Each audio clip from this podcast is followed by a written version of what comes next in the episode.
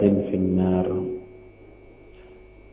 Ikhwati fillah baik ikhwan akhwat yang ada di Masjid Al-Furqan Jalan Jurang Bandung ataupun para pendengar Radio Roja di mana saja Anda berada Alhamdulillah kita berjumpa kembali sore hari ini untuk melanjutkan kajian syarah al-usul al-thalatha. Pada Jumat yang lalu kita sedang membahas rukun iman yang pertama yaitu iman kepada Allah dan sudah kita jelaskan bahwa iman kepada Allah itu mencakup empat poin. Pertama, iman terhadap keberadaan Allah. Poin itu sudah kita jelaskan. Kedua, iman kepada rububiyahnya Allah. Itu pun sudah kita terangkan. Dan ketiga, iman kepada uluhiyahnya Allah. Itu pun sudah kita bahas pada pertemuan hari Jumat yang lalu.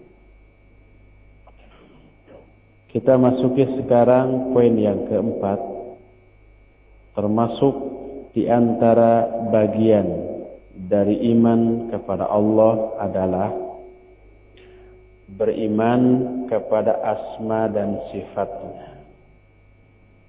Asma artinya nama-nama Allah. Karena Allah memiliki nama-nama yang baik yang disebut dengan Asma'ul Husna. Sifat ya maknanya sifat. Iman kepada asma dan sifat Allah maknanya beriman bahwa Allah memiliki nama-nama dan memiliki sifat-sifat. Lebih rinci lagi, maksud dari beriman kepada asma dan sifat adalah isbatu ma asbatahu Allah li nafsihi fi kitabih أو سنة رسول الله صلى الله عليه وسلم من الأسماء والصفات على الوجه اللائق به من غير تحريف ولا تعطيل ولا تكييف ولا تمثيل Yang dimaksud beriman kepada asma dan sifat Allah adalah menetapkan nama-nama dan sifat-sifat yang Allah tetapkan sebagai nama dan sifat bagi dirinya baik yang ditetapkan dalam kitab Allah yaitu Al-Quran ataupun yang ditetapkan dalam sunnah Rasul Sallallahu Alaihi Wasallam dalam hadis-hadisnya yang sahih dengan makna yang layak bagi keagungan Allah tanpa mentahrif, mentaktil, mentakyif dan mentamsil. Itulah yang dimaksud dengan beriman kepada asma dan sifat. Jadi Allah memiliki nama-nama dan sifat-sifat. Wajib kita menetapkan nama-nama dan sifat-sifat bagi Allah sebatas nama dan sifat yang Allah tetapkan bagi diri sendiri. Faxnya bisa nggak? Bisa. Boleh kan lagi sibuk terus? Ini apa nih? Halo. Halo Pak. Bisa Pak, bisa silakan Pak. Tadi ada yang nama-nama dan sifat-sifat bagi Allah Subhanahu wa taala. Jadi di dalam Al-Qur'an Allah menetapkan nama-nama dan sifat-sifat. Tadi juga ada yang baru ini. Bagi Allah Subhanahu wa taala. Maka nama-nama dan sifat-sifat yang Allah tetapkan sebagai nama dan sebagai sifat bagi dirinya wajib kita tetapkan itu sebagai nama dan sifat bagi diri Allah. Tidak menambah-nambah, tidak mengurangi apalagi merubah. Adapun nama dan sifat yang tidak Allah tetapkan sebagai nama dan sifat bagi dirinya, tidak boleh kita tetapkan sebagai sifat bagi dirinya.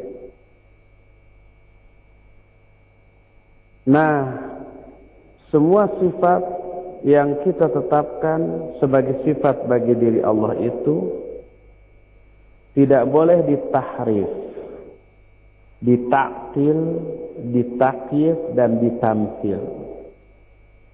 Tidak boleh diberlakukan empat poin ini.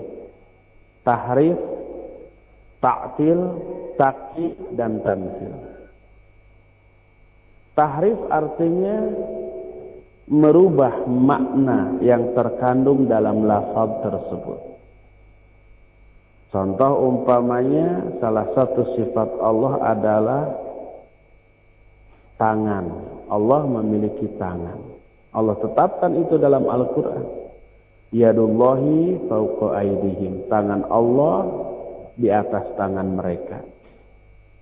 Tabarakalladzi yadihil mulku wa huwa ala kulli syai'in qadir.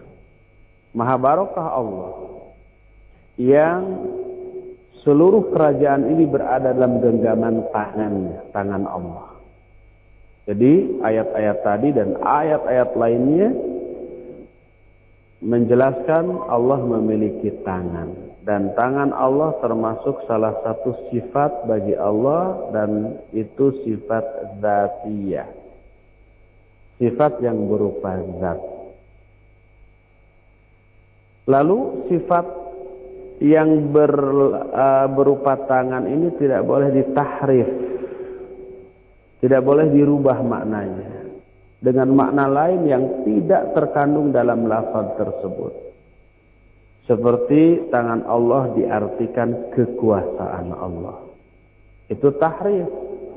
Merubah makna tangan menjadi arti kekuasaan. Itu tahrif. Tidak boleh ditahrif. Wala ta'tilin. Tidak boleh juga ditaktil. Ditaktil artinya diingkari, ditolak. Tahrif ini berakibat taktil. Seperti tangan Allah diartikan ditahrif menjadi kekuasaan. Lalu tangan Allah sendiri ditaktil. Sebenarnya Allah nggak punya tangan. Tangan di sana maknanya kekuasaan. Ini ta'til, mengingkari sifat Allah subhanahu wa ta'ala yang Allah tetapkan dalam Al-Quran. Walat takyifin, tapi tidak boleh juga ditakif. Ditakif artinya dideskripsikan dengan deskripsi tertentu, dijelaskan dengan penjelasan tertentu, diterangkan dengan penerangan tertentu, baik jelas ataupun tidak jelas. Seperti umpam menggambarkan, oh tangan Allah itu jarinya ada sekian, ukurannya sekian, fungsi, fungsinya untuk anu. Itu deskripsi. Itu takif. Termasuk takif mempertanyakan dengan pertanyaan kaifa. Bagaimana sih bentuk tangan Allah, ukurannya, warnanya, jarinya, dan seterusnya. Itu juga takif. Jadi tidak boleh mentakif. Karena mentakif berarti berbicara tentang sifat Allah tanpa ilmu. Dan tidak ada penjelasan tentang deskripsi dari sifat-sifat Allah itu. Baik dalam Al-Quran ataupun dalam hadis yang sahih. Alhamdulillah. Yahdikumullahu yuslihu balakum. Jadi wala takifin tanpa mentakif maknanya adalah tanpa menjelaskan menggambarkan, mendeskripsikan sifat Allah dengan gambaran tertentu. Wala tamsilin dan tidak boleh mentamsil. Mentamsil itu mempermisalkan, mengumpamakan, menyepertikan umpama oh tangan Allah itu seperti tangan manusia. Ah, itu tamsil namanya. Tidak boleh. Jadi wajib kita yakini Allah punya tangan karena Allah menjelaskan hal itu dalam Al-Quran. Tidak boleh dirubah maknanya kepada makna lain. Tidak boleh diingkari atau ditolak. tapi tidak boleh juga digambarkan dengan gambaran tertentu dan tidak boleh diumpamakan, disepertikan, dibandingkan dengan perbandingan seperti yang dimiliki oleh makhluk. Itulah makna dari beriman kepada sifat-sifat Allah Subhanahu wa taala. Yaitu menetapkan sifat-sifat bagi Allah seperti yang Allah tetapkan dalam Quran dan Sunnah tanpa mentahrif, merubah maknanya, tanpa mentaktil atau mengingkari, tanpa mentakif atau menerangkan dengan penerangan tertentu, baik jelas ataupun tidak jelas, dan tanpa mentamsil. Mentamsil itu mempermisalkan. Mentakif menggambarkan baik jelas ataupun tidak jelas. Contoh yang tidak jelas. Tangan Allah itu lebarnya tiga kali, uh, panjangnya tiga kali dari lebarnya umpah. Itu tidak jelas. Tapi itu tetap menggambarkan, mendeskripsikan. Itu tetap mentakif. Itu tidak boleh sama sekali. Itulah makna beriman kepada asma dan sifat Allah. Adapun yang menjadi dalil bahwa Allah memiliki nama adalah Al-Quran surah Al-A'raf ayat 180. Walillahil asma'ul husna fad'uhu biha wadarul ladhina yulhiduna fi asma'ihi. Allah memiliki asma'ul husna, maka serulah dia dengan menyebut asma'ul husna itu. Dan tinggalkanlah orang-orang yang ingkar terhadap nama-namanya. Itu dalil ayat tentang asma Allah. Dalil tentang sifat Allah Allah jelaskan dalam Ar-Rum ayat 27. Allah berfirman walahul masalul a'la fis samawati wal ard wa huwal azizul hakim. Allah memiliki sifat-sifat yang tinggi di langit ataupun di bumi dan dia maha gagah dan maha bijaksana. Dalam surah Asyura ayat 11 Allah berfirman, "Laisa kamitslihi syai'un wa huwas samiul basir." Allah itu tidak ada yang semisal dengannya sesuatu pun dan dia maha mendengar dan maha melihat.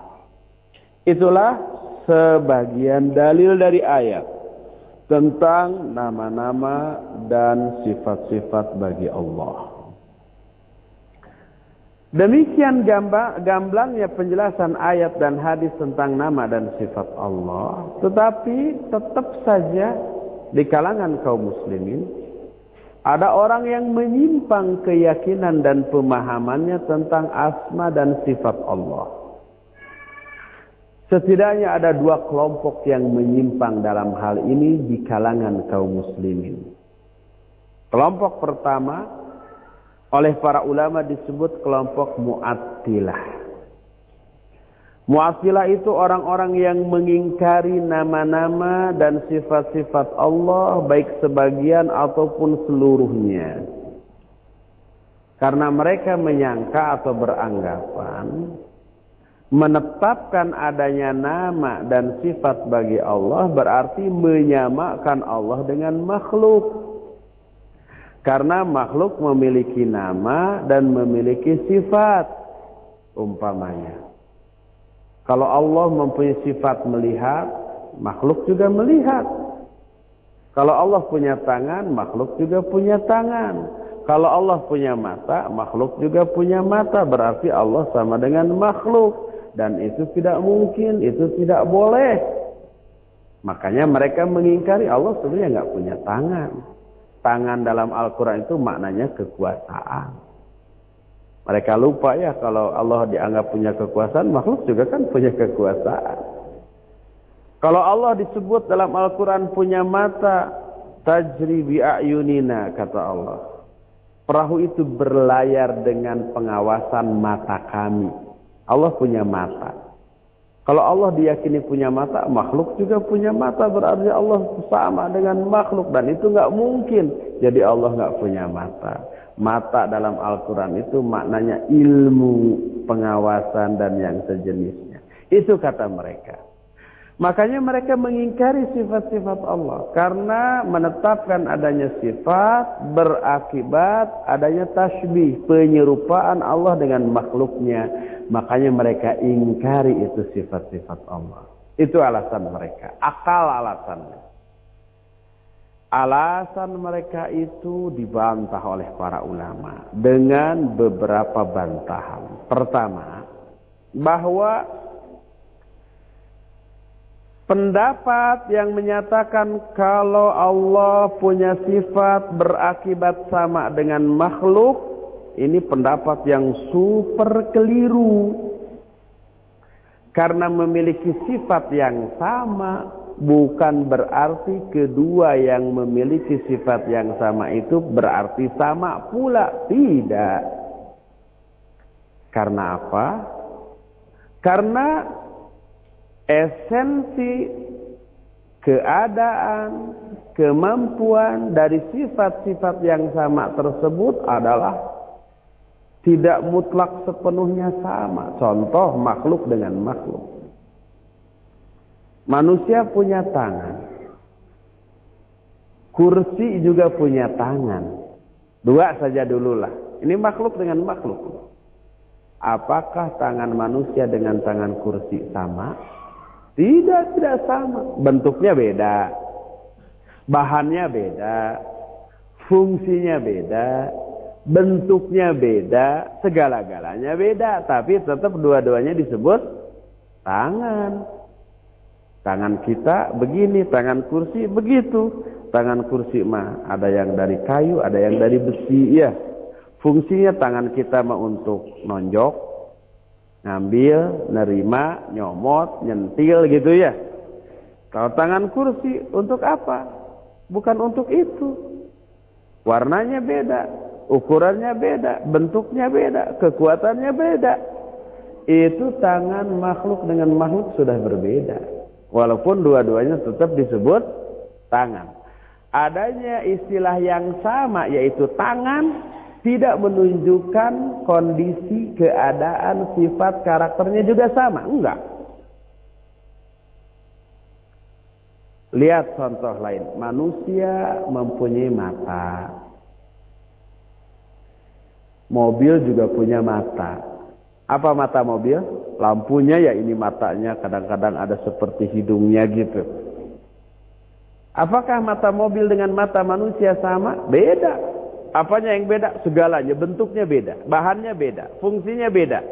Mata manusia mah untuk melihat dengan kata ini menangkap cahaya baru bisa melihat. Kalau nggak ada cahaya nggak bisa. Tapi kalau mata mobil mah memancarkan cahaya, menyinari, menerangi. Bentuknya gede mana? Gede mata mobil. Bahannya kuat mana? Bisa kuat mata manusia, bisa kuat mata mobil.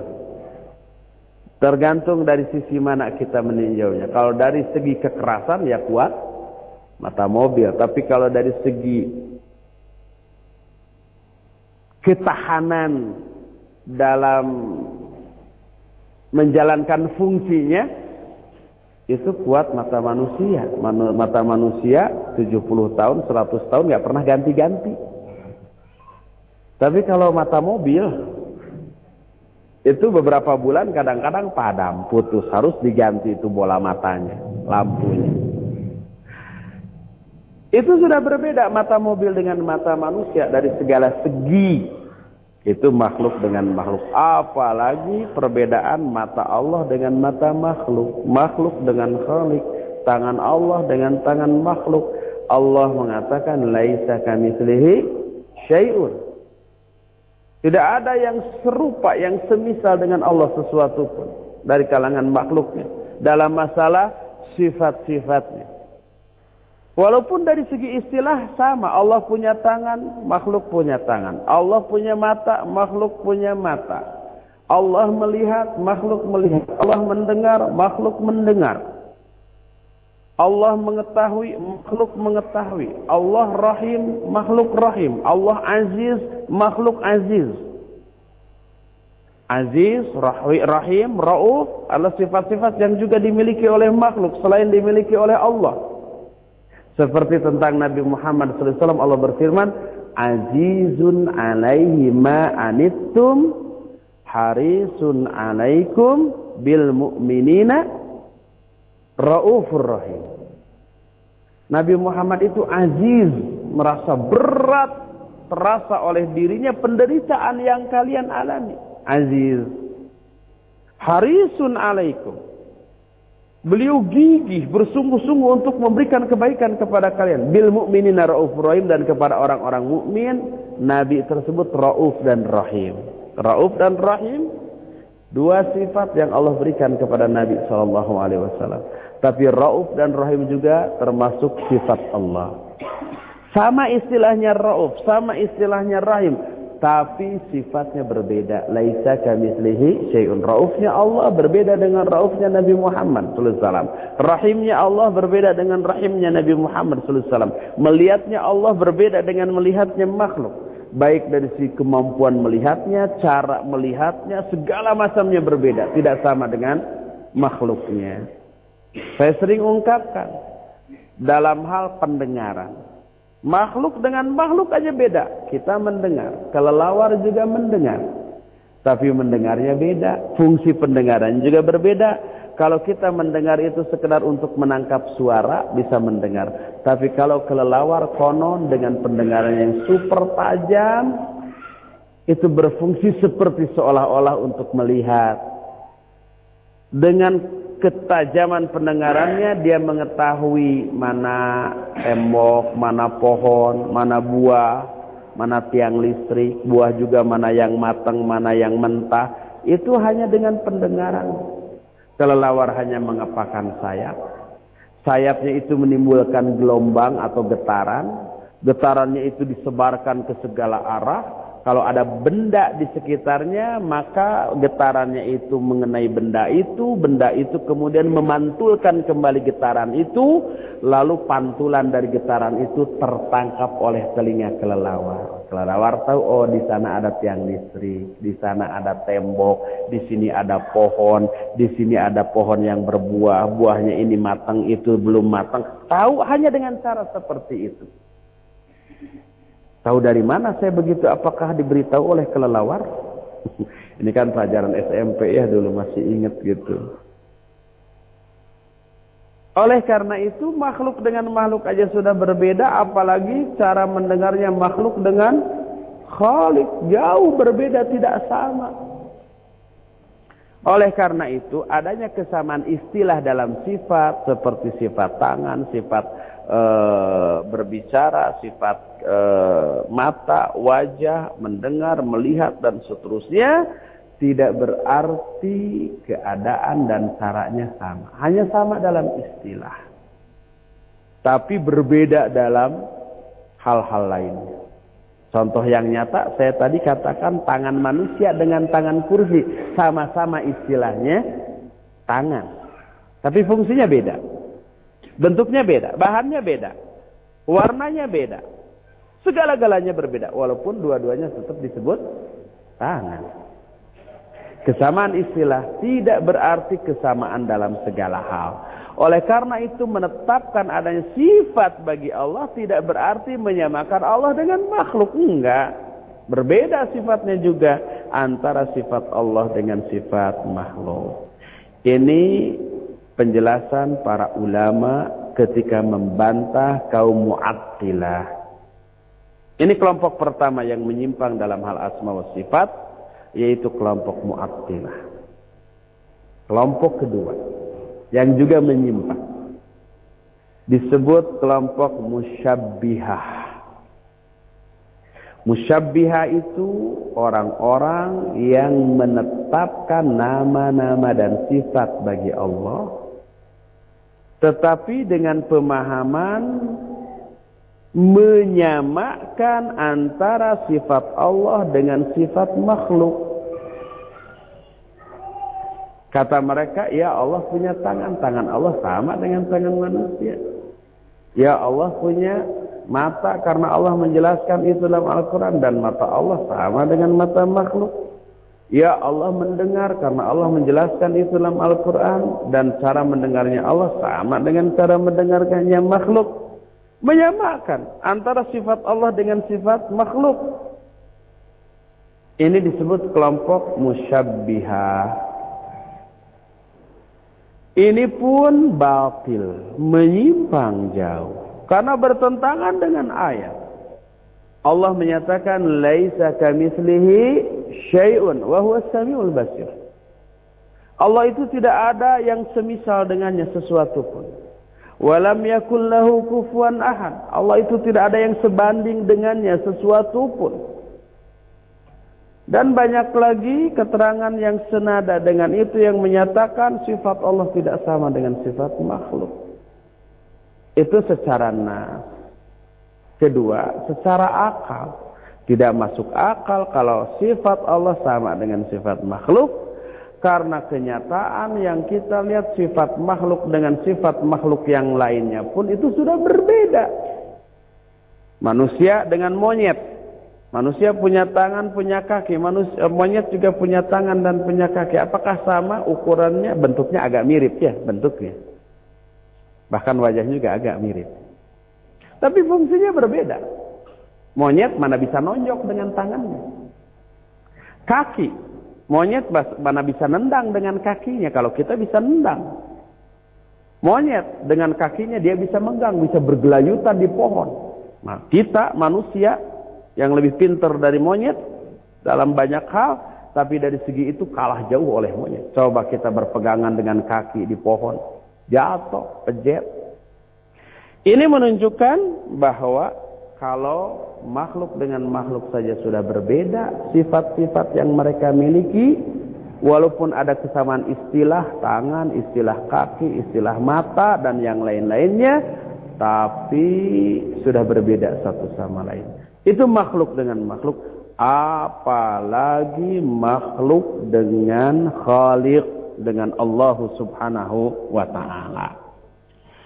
Dengan demikian terbantahlah sudah hujah, argumentasi baik dari kelompok mu'attilah yang mengingkari sifat-sifat Allah ataupun kelompok musyabbihah yang menyamakan sifat-sifat Allah dengan sifat-sifat makhluknya. Walhasil kesimpulan akhir dari iman kepada nama dan sifat Allah itu adalah menetapkan nama-nama dan sifat-sifat bagi Allah sebagaimana sifat dan nama itu Allah tetapkan sebagai sifat dan nama bagi dirinya dalam Al-Quran atau hadis-hadis yang sahih tanpa mentahrif, tanpa mentaktil, tanpa mentakif, dan tanpa mentamsil. Dengan demikian, dengan demikian, kita tidak boleh menetapkan nama atau sifat yang tidak ditetapkan sebagai nama dan sifat oleh Allah bagi Allah. Sebagai contoh, wujud, Gak ada ayat atau Al-Quran yang menyatakan Innallaha wujudun. Sesungguhnya Allah itu wujud. Gak ada. Makanya wujud tidak boleh kita tetapkan sebagai sifat bagi Allah karena gak ada dalil Al-Quran atau hadis yang menetapkan itu sebagai sifat bagi Allah. Qidam, baqa, mukhalafatul hawadisi, qiyamuhu binafsihi, wahdaniyah. Itu bukanlah sifat-sifat Allah. Kalau mau wal awal wal akhir wal zahir wal batin. Dialah yang awal, dialah yang akhir, dialah yang zahir, dialah yang batin. Jangan disebut qidam dan bako. Tapi disebut al awal dan al akhir. Dan al awal berbeda dengan qidam. Al akhir berbeda dengan bako Jangan disebut wahdaniyah tapi sebutlah ahad. Qul huwallahu ahad. Itu sifat Allah Subhanahu wa taala yang Allah jelaskan dalam Al-Qur'an jangan dirubah menjadi wahdaniyah dan seterusnya dan seterusnya. Qiyamuhu bi nafsihi. Enggak ada atau hadis yang ada qayyum Allahu la ilaha illa huwal hayyul qayyum Itu ada dalam Al-Quran. Jangan dirubah. Itulah penjelasan tentang beriman kepada asma dan sifat Allah subhanahu wa ta'ala. Dan itu pula empat poin kandungan iman kepada Allah. Tidak sempurna alias keliru alias salah alias menyimpang kalau orang beriman kepada Allah tetapi tidak beriman kepada empat poin tadi. Beriman kepada adanya Allah, rububiyah Allah, uh, kepada uluhiyah Allah tapi nggak beriman kepada asma dan sifat Allah, keliru keimanan dia kepada Allah. Beriman umpamanya kepada rububiyah Allah, asma dan sifat dan kepada wujud Allah tetapi tidak beriman kepada uluhiyah Allah, keliru juga menyimpang juga. Oleh karena itu keimanan kepada Allah wajib mencakup empat poin ini. Pertama beriman kepada keberadaan Allah, kedua beriman kepada rububiyah Allah, ketiga beriman kepada uluhiyah Allah, dan keempat beriman kepada asma dan sifat Allah. Barulah iman orang itu dikatakan lurus dan sempurna konsep dan pemahaman iman dia kepada Allah Subhanahu wa taala tersebut. Iman kepada Allah dengan pemahaman seperti yang baru kita jelaskan akan membuahkan beberapa dampak positif bagi manusia. Pertama, tahqiqu tauhidillah bihaitsu la yata'allaqu bi ghairihi raja'an wala khaufan wala ya'budu ghairah. Pertama, akan teraplikasinya tauhidullah. Tauhidullah itu mengesahkan Allah. Karena orang yang beriman kepada Allah dengan pemahaman seperti yang tadi dijelaskan, dia tidak akan mengaitkan harapannya kepada selain Allah. Dia tidak akan merasa takut kepada selain Allah. Dia tidak akan beribadah kepada selain Allah. Dia hanya beribadah kepada Allah, takut kepada Allah, menggantungkan harapan kepada Allah, menunjukkan cintanya kepada Allah, dan seterusnya dan seterusnya. Pokoknya hakikat tauhid akan mutabak, akan teraplikasi, akan termanifestasi, uh, akan terjawantahkan, akan terrealisir dalam kehidupan orang itu. Ini buah dari iman kepada Allah dengan iman seperti yang tadi dijelaskan. Kedua, kamalu mahabbatillahi ta'ala wa ta'zimihi bimuqtada asma'ihil husna wa sifatihil ulia. Kedua, buah Positif lain dari iman kepada Allah seperti yang tadi dijelaskan ada akan melahirkan kesempurnaan sikap mahabbah kepada Allah. Mahabbah itu artinya cinta. Akan sempurna cintanya kepada Allah. Dan akan mengagungkan Allah. Sesuai dengan isi kandungan nama-namanya yang baik dan sifat-sifatnya yang tinggi. Dalam setiap nama Allah terkandung sifat. Ada makna yang terkandung di dalam. Makna Ar-Rahman, lafaz Ar-Rahman, Ar-Rahim, Al-Malik, Al-Jabbar, Al-Quddus. Itu mengandung makna. Maknanya itu mencakup sifat. Dan seluruh sifat yang terkandung dalam nama-namanya, seluruh makna yang terkandung dalam nama-namanya, mencerminkan keagungan Allah, kekuasaan Allah, kemahadahsyatan Allah dan itu akan menanamkan sikap pengagungan pada diri kita terhadap Allah Subhanahu wa taala. Ini buah yang kedua. Buah yang ketiga. Tahqiqu ibadati bi fi'li ma amara bihi wajtinabi ma naha anhu. Ketiga, beriman kepada Allah dengan makna seperti yang tadi dijelaskan akan menyebabkan teraplikasikannya ibadah kepada Allah dengan cara ibadah yang benar. dengan melaksanakan semua yang Allah perintahkan dan menjauhi semua yang dilarangnya. Buah ini lahir dari iman yang benar kepada Allah seperti yang tadi dijelaskan. Itulah tiga poin buah yang baik yang lahir dari iman kepada Allah dengan konsep atau pemahaman iman yang benar yang dijelaskan oleh Syekh Muhammad Shalih Al Utsaimin rahimahullahu taala. Selesai sudah penjelasan tentang rukun iman yang pertama. Ngajinya belum selesai. Saya agak lama, seperempat jam lagi kira-kira. Tapi yang selesai adalah penjelasan tentang rukun iman yang pertama, yaitu iman kepada Allah Subhanahu wa Ta'ala. Kedua, rukun iman yang kedua adalah iman kepada para malaikatnya. Malaikat itu makhluk gaib. Hamba-hamba Allah yang selalu tunduk dan taat kepada Allah. Tidak pernah maksiat walaupun sesaat.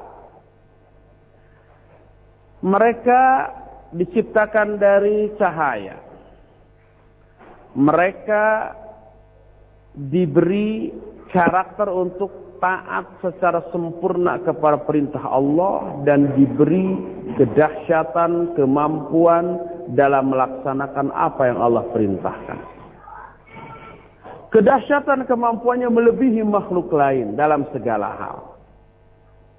Tetapi sekalipun sehebat dan sedahsyat itu kemampuan malaikat, mereka tidak memiliki hak al-uluhiyah sedikit pun. Hak al-uluhiyah artinya hak untuk disembah, untuk diibadati. Malaikat memang hebat.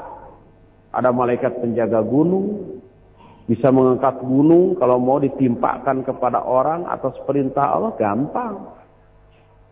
Ada malaikat pemikul aras, aras itu makhluk Allah yang amat sangat besar. Dipikulnya juga oleh berapa malaikat? Delapan malaikat. Wa yahmilu arsya rabbihim yawma idin sama fauqahum yawma idin samani. Jadi aras Allah itu dipikul oleh delapan malaikat. Lalu ulama ikhtilaf.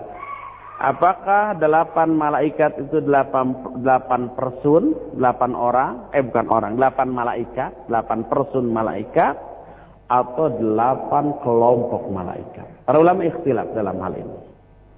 Tapi yang jelas delapan mau delapan malaikat, person malaikat, mau delapan kelompok malaikat, itu memang ikhtilaf yang terjadi di kalangan para ulama.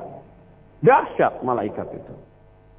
Tapi sedahsyat apa pun, sehebat apa pun, para malaikat itu tidak memiliki hak untuk disembah, diibadati. Sehingga kita tidak boleh menunjukkan ibadah kepada yang bukan haknya. Menunjukkan ibadah kepada para malaikat. nggak boleh.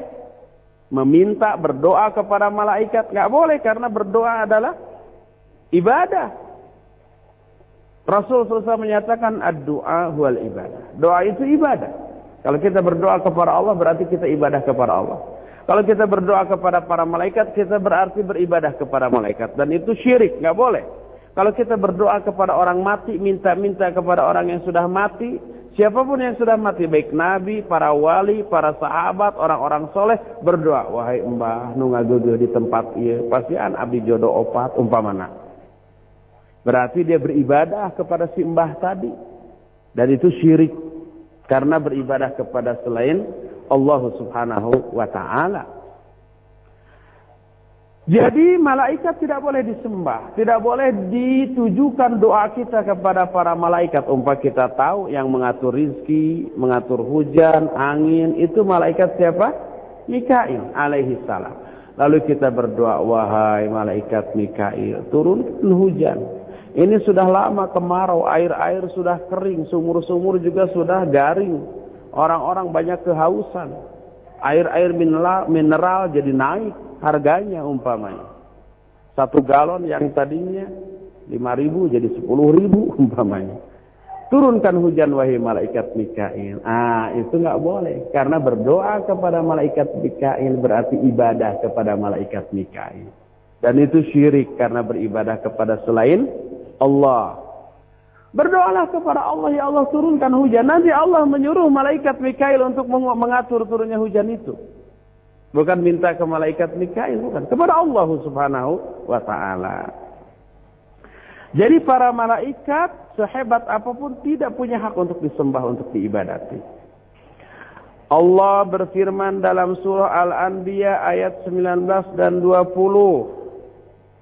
Kata Allah, "Wa indahu la yastakbiruna an ibadatihi wa la yastahsirun." Yusabbihuna al-laila wan nahar la yafturun. Di sisi Allah ada malaikat yang tidak sombong, tidak takabur, tidak enggan dari beribadah kepada Allah. Tidak malas, tidak bosan, tidak jenuh, tidak ada rasa kaharorean meus-meus atan. Yusabbihuna al-laila wan nahar. Mereka bertasbih siang dan malam. Malam dan siang. La yafturun. Tanpa merasa bosan. Tanpa merasa jenuh. Dari tasbih yang dilakukannya. Itulah para malaikat. Adapun jumlah malaikat super banyak. Tidak ada manusia yang mampu menghitungnya saking banyak. Tidak ada yang mengetahui jumlahnya secara pasti kecuali Allah Subhanahu wa taala. Untuk menggambarkan bagaimana banyaknya jumlah malaikat diterangkan dalam salah satu hadis yang sahih riwayat Imam Bukhari dan Imam Muslim dalam dua kitab sahihnya Nabi Shallallahu Alaihi Wasallam ketika menceritakan kisah perjalanan beliau waktu Isra dan Mi'raj. Nabi Wasallam diangkat ke Baitul Makmur di langit dunia. Lalu di Baitul Makmur itu beliau sholat. Kata beliau, fihi ayusalli fihi kullu yaumin sab'una alfa malakin id kharaju lam ya'udu ilaihi akhiru ma alaihim kata Nabi sallallahu di Baitul Makmur tersebut setiap hari setiap hari salat 70 ribu malaikat satu harinya salat 7 ribu malaikat dan apabila mereka keluar dari Baitul Ma'mur, mereka tidak pernah kembali lagi ke Baitul Ma'mur itu. Tapi setiap hari ada 70 ribu malaikat yang sholat. Berganti-ganti. Bergiliran. Dan satu malaikat hanya satu kali sholat di sana setelah itu keluar. Sehari 70 ribu kak, 70 ribu malaikat. Bergantian terus dari dulu sampai sekarang. Sampai akhir zaman. Kalau umpamanya jumlah hari ada satu juta hari umpamanya. Para lebih ya. Sekarang aja udah berapa tahun, berapa ribu tahun. Anggap saja biar jejeg ya, biar biar mudah menghitungnya 2000 tahun umpamanya. 2000 tahun kali 360 hari. 360 kali 2, 36 kali 2 berapa? 7. 36 kali 2 72 ya. 72. 360 eh, nolnya 1 terus 2000 nolnya 3 ya jadi 4 72 tambah 4 nol jadi berapa 720 hari ya kok sedikit 720 ribu hari 2000 tahun teh 720 ribu hari. 720 ribu kali 70 ribu. Ah, hitung sendirilah capek. Bukan urusan saya menghitung itu. Banyak luar biasa. Apalagi jumlah hari di dunia mungkin lebih dari itu. Itulah para malaikat. Iman kepada para malaikat harus mencakup empat poin minimalnya nih. Seperti yang dijelaskan oleh Syekh Al-Utsaimin. Pertama, al-imanu biwujudihim. Iman kepada keberadaan mereka. Bahwa mereka itu eksis. Mereka itu ada. Mereka itu benar-benar makhluk. Bukan seperti orang-orang aklaniun bahwa malaikat itu sebenarnya bukan makhluk itu hukum alam, kekuatan alam, kekuatan yang ada di alam itu malaikat katanya. Orang ini nggak menelaah ayat dan hadis tentang para malaikat. Para malaikat itu bersayap, para malaikat itu bicara, para malaikat itu terbang, para malaikat itu mencatat, para malaikat itu mencabut nyawa, gitu ya. Kalau malaikat sifatnya begitu, masa itu hukum alam? Malaikat itu makhluk. Mereka eksis, mereka ada, mereka real, mereka nyata. Tapi tidak kelihatan oleh kita, tidak terdengar oleh kita. Kecuali kalau mereka menjelma menjadi makhluk tertentu. Seperti yang pernah teralami di zaman Nabi dan para sahabat. Menjelma terlihat oleh para sahabat. Hadis tentang malaikat Jibril juga yang bertanya apa itu Islam, iman, ihsan, hari kiamat, tanda-tandanya. Itu kan jelmaan malaikat Jibril alaihissalam. Terlihat dan terdengar oleh para sahabat. Baru terlihat dan terdengar. Tapi dalam bentuk asli tidak ada seorang pun yang bisa melihat kecuali Nabi Wasallam. Nabi melihat dalam bentuknya yang asli. Dalam Al-Quran disebutkan wala qadra'ahu nazlatan ukhra inda sidratil muntaha inda jannatul mawa. Nabi melihat malaikat Jibril dalam bentuk yang asli pada kali yang lain. Ketika di sidratul muntaha, di sisi sidratul muntaha ada jannatul ma'wa dan seterusnya. Itu dijelaskan dalam Al-Qur'anul Karim surah An-Najm. Jadi pertama wajib beriman kepada keberadaan mereka. Bahwa mereka itu ada, eksis, bukan hukum alam. Tapi mereka makhluk ciptaan Allah yang Allah ciptakan dari cahaya. Kedua, al-imanu biman alimna ismahu minhum ka ismihi ka Jibril wa man lam na'lam ismahu nu'minu bihim ijmala. Kedua, beriman kepada nama-nama malaikat yang kita ketahui sesuai dengan namanya. Yang dijelaskan oleh Allah dalam Al-Quran atau dalam hadis-hadis yang sahih. Seperti Jibril, Mikail, Israfil. Itu dijelaskan dalam Al-Quran. Adapun nama malaikat yang tidak disebut dalam Al-Quran ataupun hadis, kita imani secara ijma, secara global, secara umum. Seperti malaikat penjaga kita. Tidak disebut namanya. Seperti umpamanya malaikat yang berterbangan mencari majlis-majlis zikir atau majlis ilmu. Begitu ada majlis ilmu mereka turun di sana. Nama-namanya tidak disebut. Seperti umpamanya malaikat yang diutus oleh Allah untuk meniupkan ruh dan mencatatkan empat catatan bagi janin yang ada di dalam perut ibu ketika usia kandungannya empat tahun.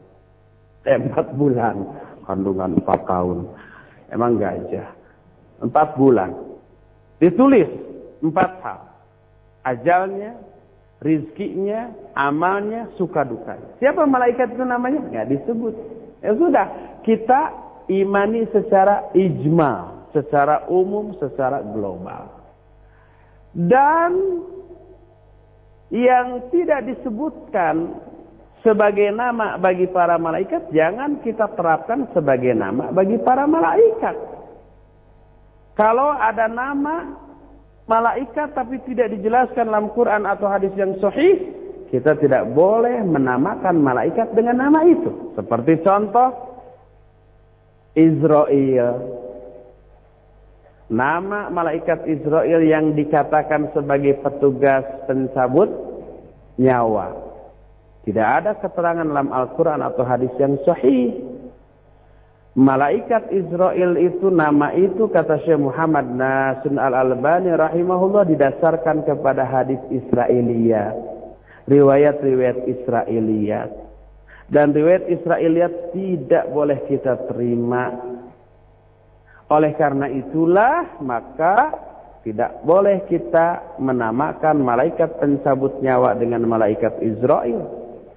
Al-Quran dan hadis yang sahih hanya menyatakan malaikat pencabut nyawa itu disebut dengan sebutan malakul maut. Malakul maut dalam sahih Bukhari dan Muslim dari Al-Bar bin Azib radhiyallahu an Nabi selesai menceritakan apabila sungguhnya orang mukmin apabila sampai di ujung kehidupan dia di dunia maka turunlah malaikat dari langit lalu duduk sejauh mata memandang di sekelilingnya. Setelah itu turunlah malakul maut. Disebut malakul maut bukan malaikat Israel. Jadi malaikat pencabut nyawa bukan Israel tapi malakul maut. Jadi yang kedua termasuk bagian dari iman kepada para malaikat adalah beriman kepada nama-nama yang Allah sebutkan sebagai nama bagi malaikat dalam Al-Qur'an atau dalam hadis-hadis yang sahih yang namanya tidak disebutkan kita imani secara global, secara umum dan yang tidak ditetapkan sebagai nama bagi malaikat, tidak boleh kita tetapkan sebagai nama bagi malaikat tersebut. Kecuali kalau ditetapkan berdasarkan hadis yang sahih, adapun yang ditetapkan dalam hadis dhaif apalagi palsu atau Israeliat tidak boleh kita tetapkan sebagai nama. Ketiga, iman kepada sifat-sifat malaikat yang dijelaskan dalam Al-Quran atau hadis yang sahih. Contoh, malaikat Jibril.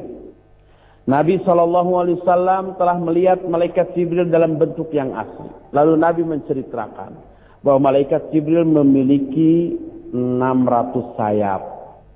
Satu sayapnya sampai bisa menutupi ufuk. Hadis ini sahih diriwayatkan oleh Imam Al-Bukhari. Contoh sifat malaikat lain. Kadang-kadang malaikat bisa menjelma menjadi orang.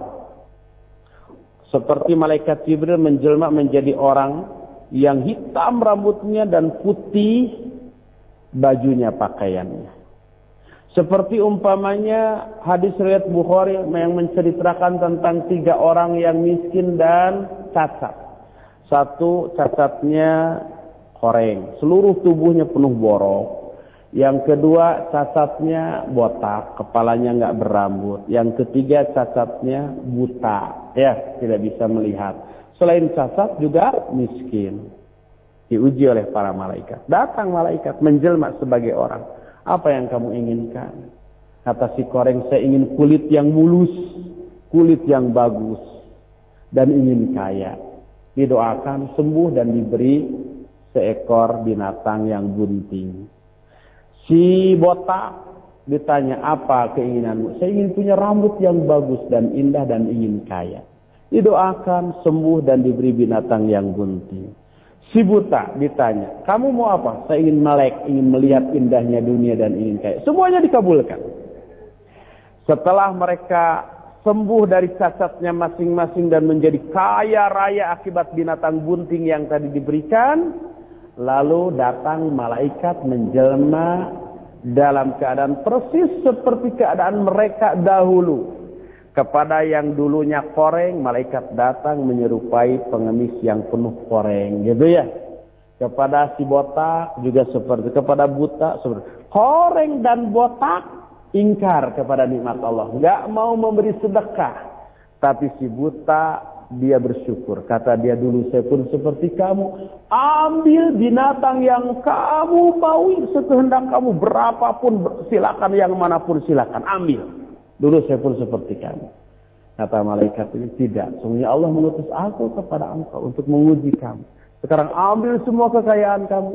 Ambil penglihatan kamu yang sempurna. Kamu bersyukur tidak seperti kedua temanmu.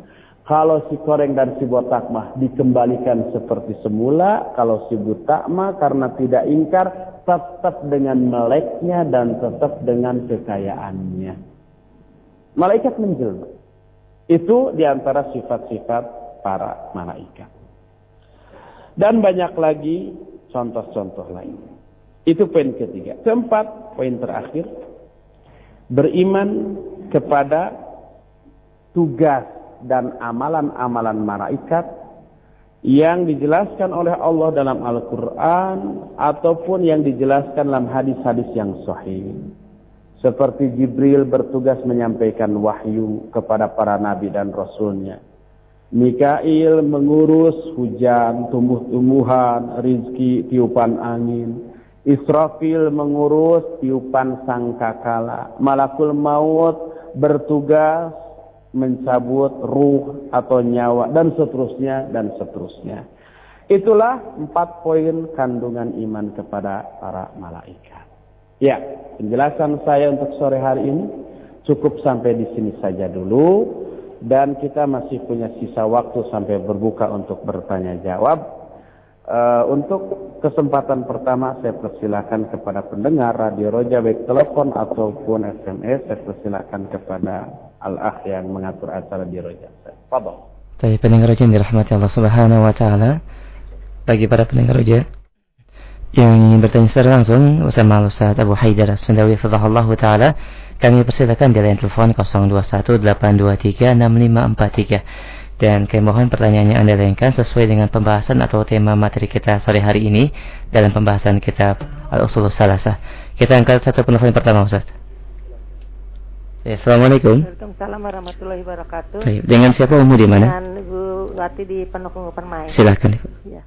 Uh, Ustadz, uh, Ustadz ya. pernah menceritakan mengenai hadis Dajjal itu ya Ustadz.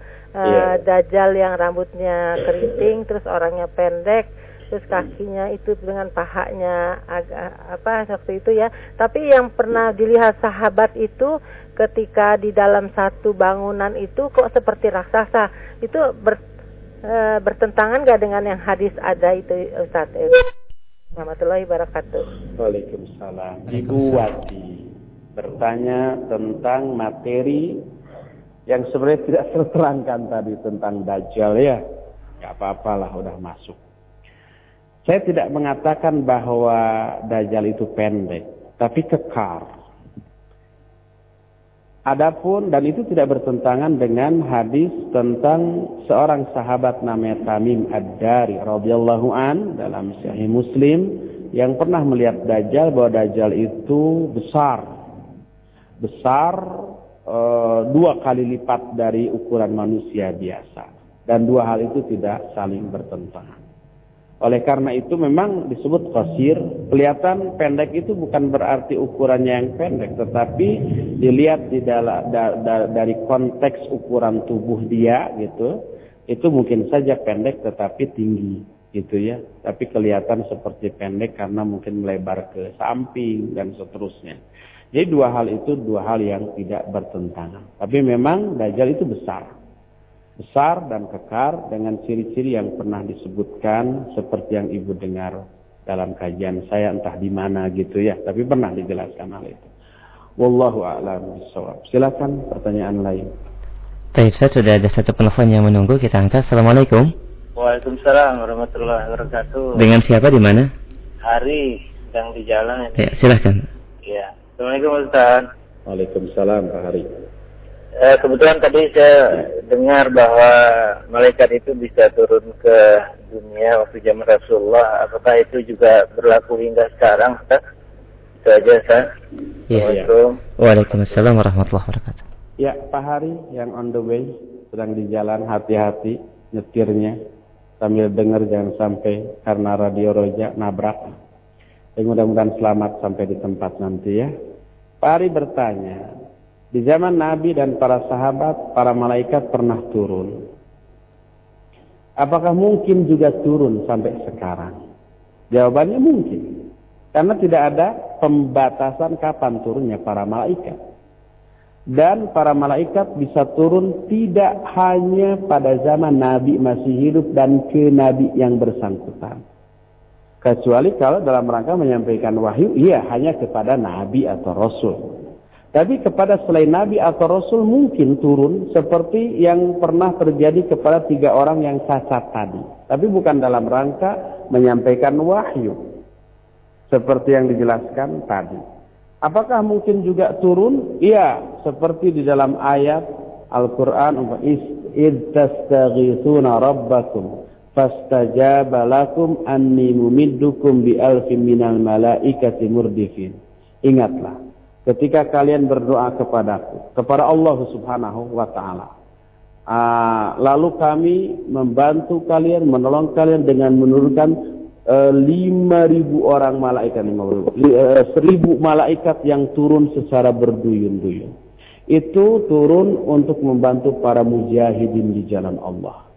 Dan amat sangat mungkin setiap mujahidin di jalan Allah dengan tingkat kesolehan tertentu melawan orang-orang kafir dan berperang karena agamanya, insya Allah dibantu oleh Allah dengan diturunkannya para malaikat kepada mereka. Dan ini tidak terbatas di zaman Nabi SAW semata-mata.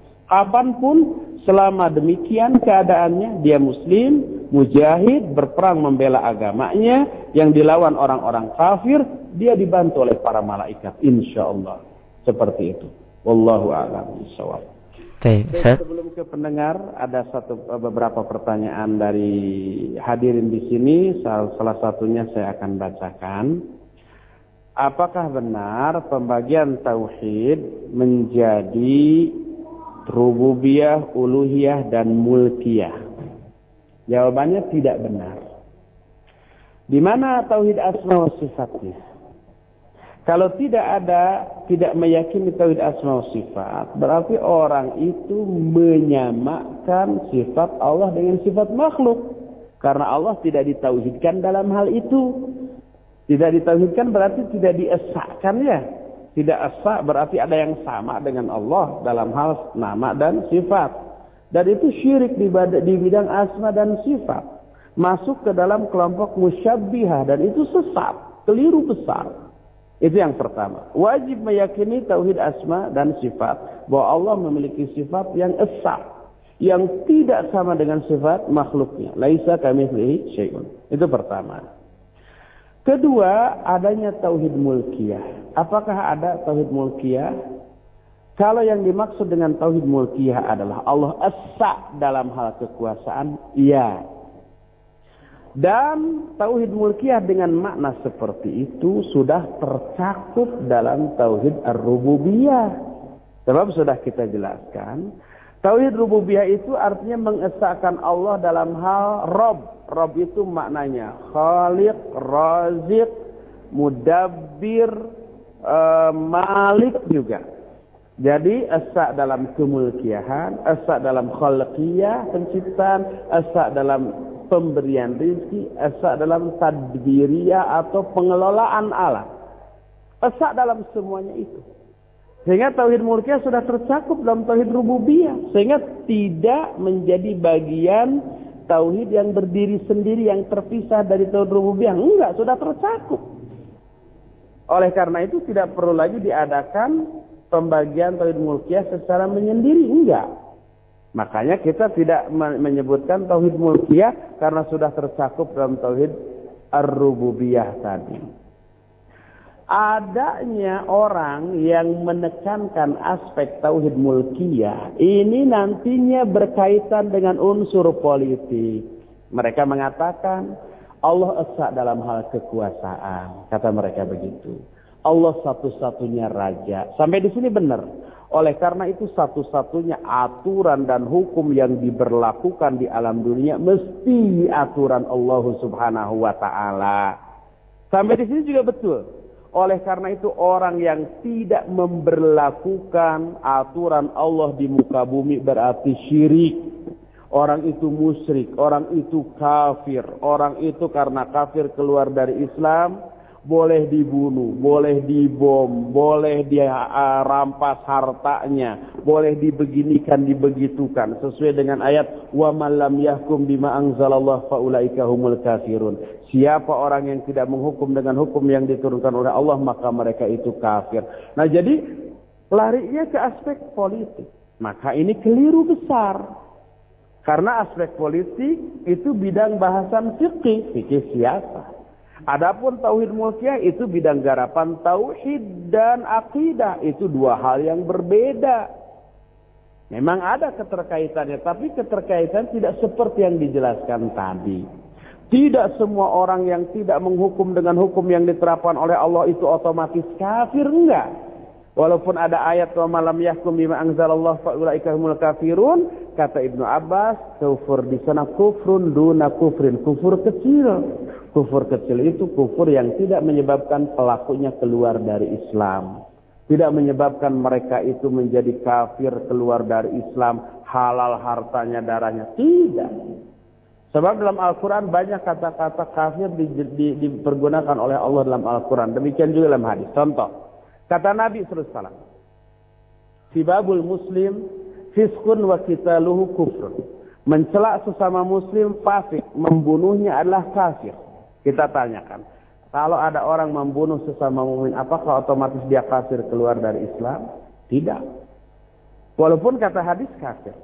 Dalam riwayat Bukhari Nabi mengatakan la tarji'u ba'di kufaran yadribu ba'dukum riqaba ba'd. Jangan kalian kembali kepada kekufuran sepeninggalku yaitu kalian memenggal kepala sebagian yang lain. Hadis ini pun menyatakan membunuh sama mukmin kafir. Tapi kafir yang dimaksud di sini kata para ulama kafir kecil. Karena apa? Karena buktinya orang mukmin yang saling berperang oleh Allah masih tetap disebut mukmin dalam Al-Qur'an. Surah Al-Hujurat ayat 10 Allah ayat 9 menyatakan wa in ta'ifatani minal mu'minina qatalu fa aslihu bainahuma. Kalau ada dua kelompok mukmin saling berperang, kalau saling berperang pasti saling bunuh. Maka islahkan, damaikan di antara keduanya. Walaupun saling bunuh tetap di, di, di, di, dianggap disebut oleh Allah dua kelompok mukmin. Di dalam ayat disebut mukmin, dalam hadis disebut kafir. Kata para ulama, oh kalau begitu kafir yang dimaksud dalam hadis kafir kecil yang tidak menyebabkan pelakunya keluar dari Islam. Makanya Ali dan Muawiyah beserta para pengikutnya sekalipun saling berperang, saling bunuh-bunuhan, tidak ada satupun ulama yang menyatakan dua-duanya kafir. Enggak. Masa Ali sebagai ahli surga, Muawiyah juga sudah dijamin ahli surga oleh Rasulullah SAW, dikafirkan oleh orang-orang setelahnya. Mustahil dan tidak mungkin. Walhasil tauhid mulkiyah sudah tercakup dalam tauhid ar-rububiyah sehingga tidak perlu diadakan sebagai tauhid yang menyendiri. Wallahu a'lam. Silakan ke pendengar rojak lagi. Baik, ada satu penelpon yang sudah menunggu Bapak Yono. Silakan Pak. Assalamualaikum Ustaz. Waalaikumsalam. Ustaz tadi Ustaz bahwa kita boleh eh, tidak boleh menyebut apa bikin nama untuk malaikat-malaikat yang tidak dalam Al-Qur'an hadis. Nah, selama ini untuk anak anak sekolah itu kan ada oh malaikat yang dapat nama namanya ini ini ini itu untuk untuk apa pengetahuan boleh Ustaz? Assalamualaikum. Waalaikumsalam. Iya. Bapak siapa? Heri Yana tadi. Bapak Yana. Bapak Yana menyatakan Tadi kan kita menyatakan tidak boleh memberi nama kepada malaikat yang tidak diberikan oleh Allah atau oleh Rasul dalam hadis yang sahih. Tapi sekarang yang diajarkan di sekolah-sekolah kan gitu ya, malaikat pencabut nyawa itu malaikat Israel, katanya begitu. Boleh nggak kita mempelajari itu sebagai pengetahuan saja? Sebagai pengetahuan yang salah bahwa tahu itu salah, ya boleh. Sehingga dibolehkan kalau umpamanya seorang murid ditanya dalam rangka ujian oleh gurunya siapa malaikat pencabut nyawa. Kalau dijawab malakul maut, no. Kalau dijawab malaikat Israel, 100 itu ya, naik. Kalau dijawab malakul maut, tidak naik. Kalau protes, Pak, kata Ustaz juga itu baif, itu Israeliat. Itu bisa dijiwir. Tapi tergantung gurunya. Kalau guru yang bijak, dia akan introspeksi. Oh, murid kok lebih tahu dari saya. Dia bisa rubah bisa menerima kebenaran dari mana pun datangnya.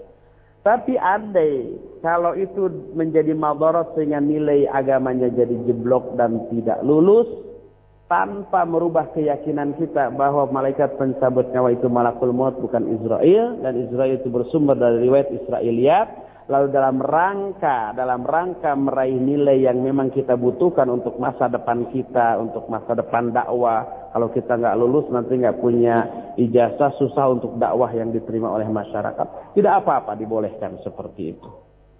Seperti umpamanya para ulama seperti Syekh Al-Utsaimin ditanya bagaimana kalau kita ujian di perguruan tinggi Islam tetapi dosennya itu memiliki memiliki pemahaman yang salah? Kalau kita menjawab dengan pemahaman kita sendiri disalahkan, nggak lulus. Kata beliau dalam rangka itu boleh, dalam rangka untuk uh, apa dalam dalam dalam uh, zona ilmiah seperti itu dibolehkan tanpa memasukkan sebagai itikat dalam hati kita. Wallahu a'lam bishawab. Ya, sebentar lagi adzan maghrib tiba dan kita juga perlu perlu persiapan untuk berbuka karena banyaknya hadirin. Eh, persiapan juga butuh waktu yang cukup. Untuk sementara sampai di sini masih banyak pertanyaan di kertas di meja saya dari pendengar dan mungkin dari pendengar Radio Rojali juga saya yakin masih banyak. Tapi waktu tidak memungkinkan. Insya Allah kita akan berjumpa kembali hari Jumat yang akan datang. Walaupun Jumat ini tidak lagi di Al-Furqan karena sudah ada daurah. Tapi Radio Rojak boleh merilai uh, kajian daurah hari Jumat yang akan datang dari Bandung ini. Sekian saja dulu subhanakallahum bihamdik asyhadu an la ilaha illa anta astaghfiruka wa atubu ilaik walhamdulillahirabbil alamin wassalamu alaikum warahmatullahi wabarakatuh. Waalaikumsalam warahmatullahi wabarakatuh. Jazakallah khair kepada Al Ustaz Abu Haidar Fidahullah Ta'ala atas kajian pada kesempatan sore hari ini kami ucapkan jazakallah khair Ustaz dan semoga Allah Subhanahu wa taala menjaga antum dan keluarga dan senantiasa berada dalam lindungannya. Kita akan putuskan hubungan telepon dengan antum Ustaz. Taib. Dan pendengar yang dirahmati Allah Subhanahu wa taala, kami ucapkan jazakallah khair atas kebersamaan Anda pada kesempatan sore hari ini. Demikian kajian kita dari pembahasan kitab Tiga Landasan Utama karya ilmiah dari seorang mujadid Syekh Muhammad ibn Abdul Wahab rahimahullahu taala. Dan kajian ini insyaallah akan Anda bisa ikuti kembali pada pertemuan-pertemuan yang akan datang dengan pembicara kita Ustaz Abu Haidar As-Sundawi taala. Kami mohon maaf ada beberapa pertanyaan yang tidak bisa kita ajukan ya karena keterbatasan ya karena keterbatasan waktu yang ada. Dan sesaat lagi kita akan jelang dikumandangkannya dan untuk saat maghrib. Bagi para pendengar roja yang alhamdulillah masih Allah Subhanahu wa taala berikan kemudahan untuk Anda dapat melaksanakan ibadah siam dan siap-siap untuk menjelang iftar. Dan selanjutnya jangan lewatkan nanti kajian ilmiah edisi malam dari pembahasan bimbingan bahasa Arab yang akan dipandu oleh Al-Ustaz Hamzah Abbas Hafizahullah Ta'ala. InsyaAllah pada pukul 9 Ba'da Tarawih.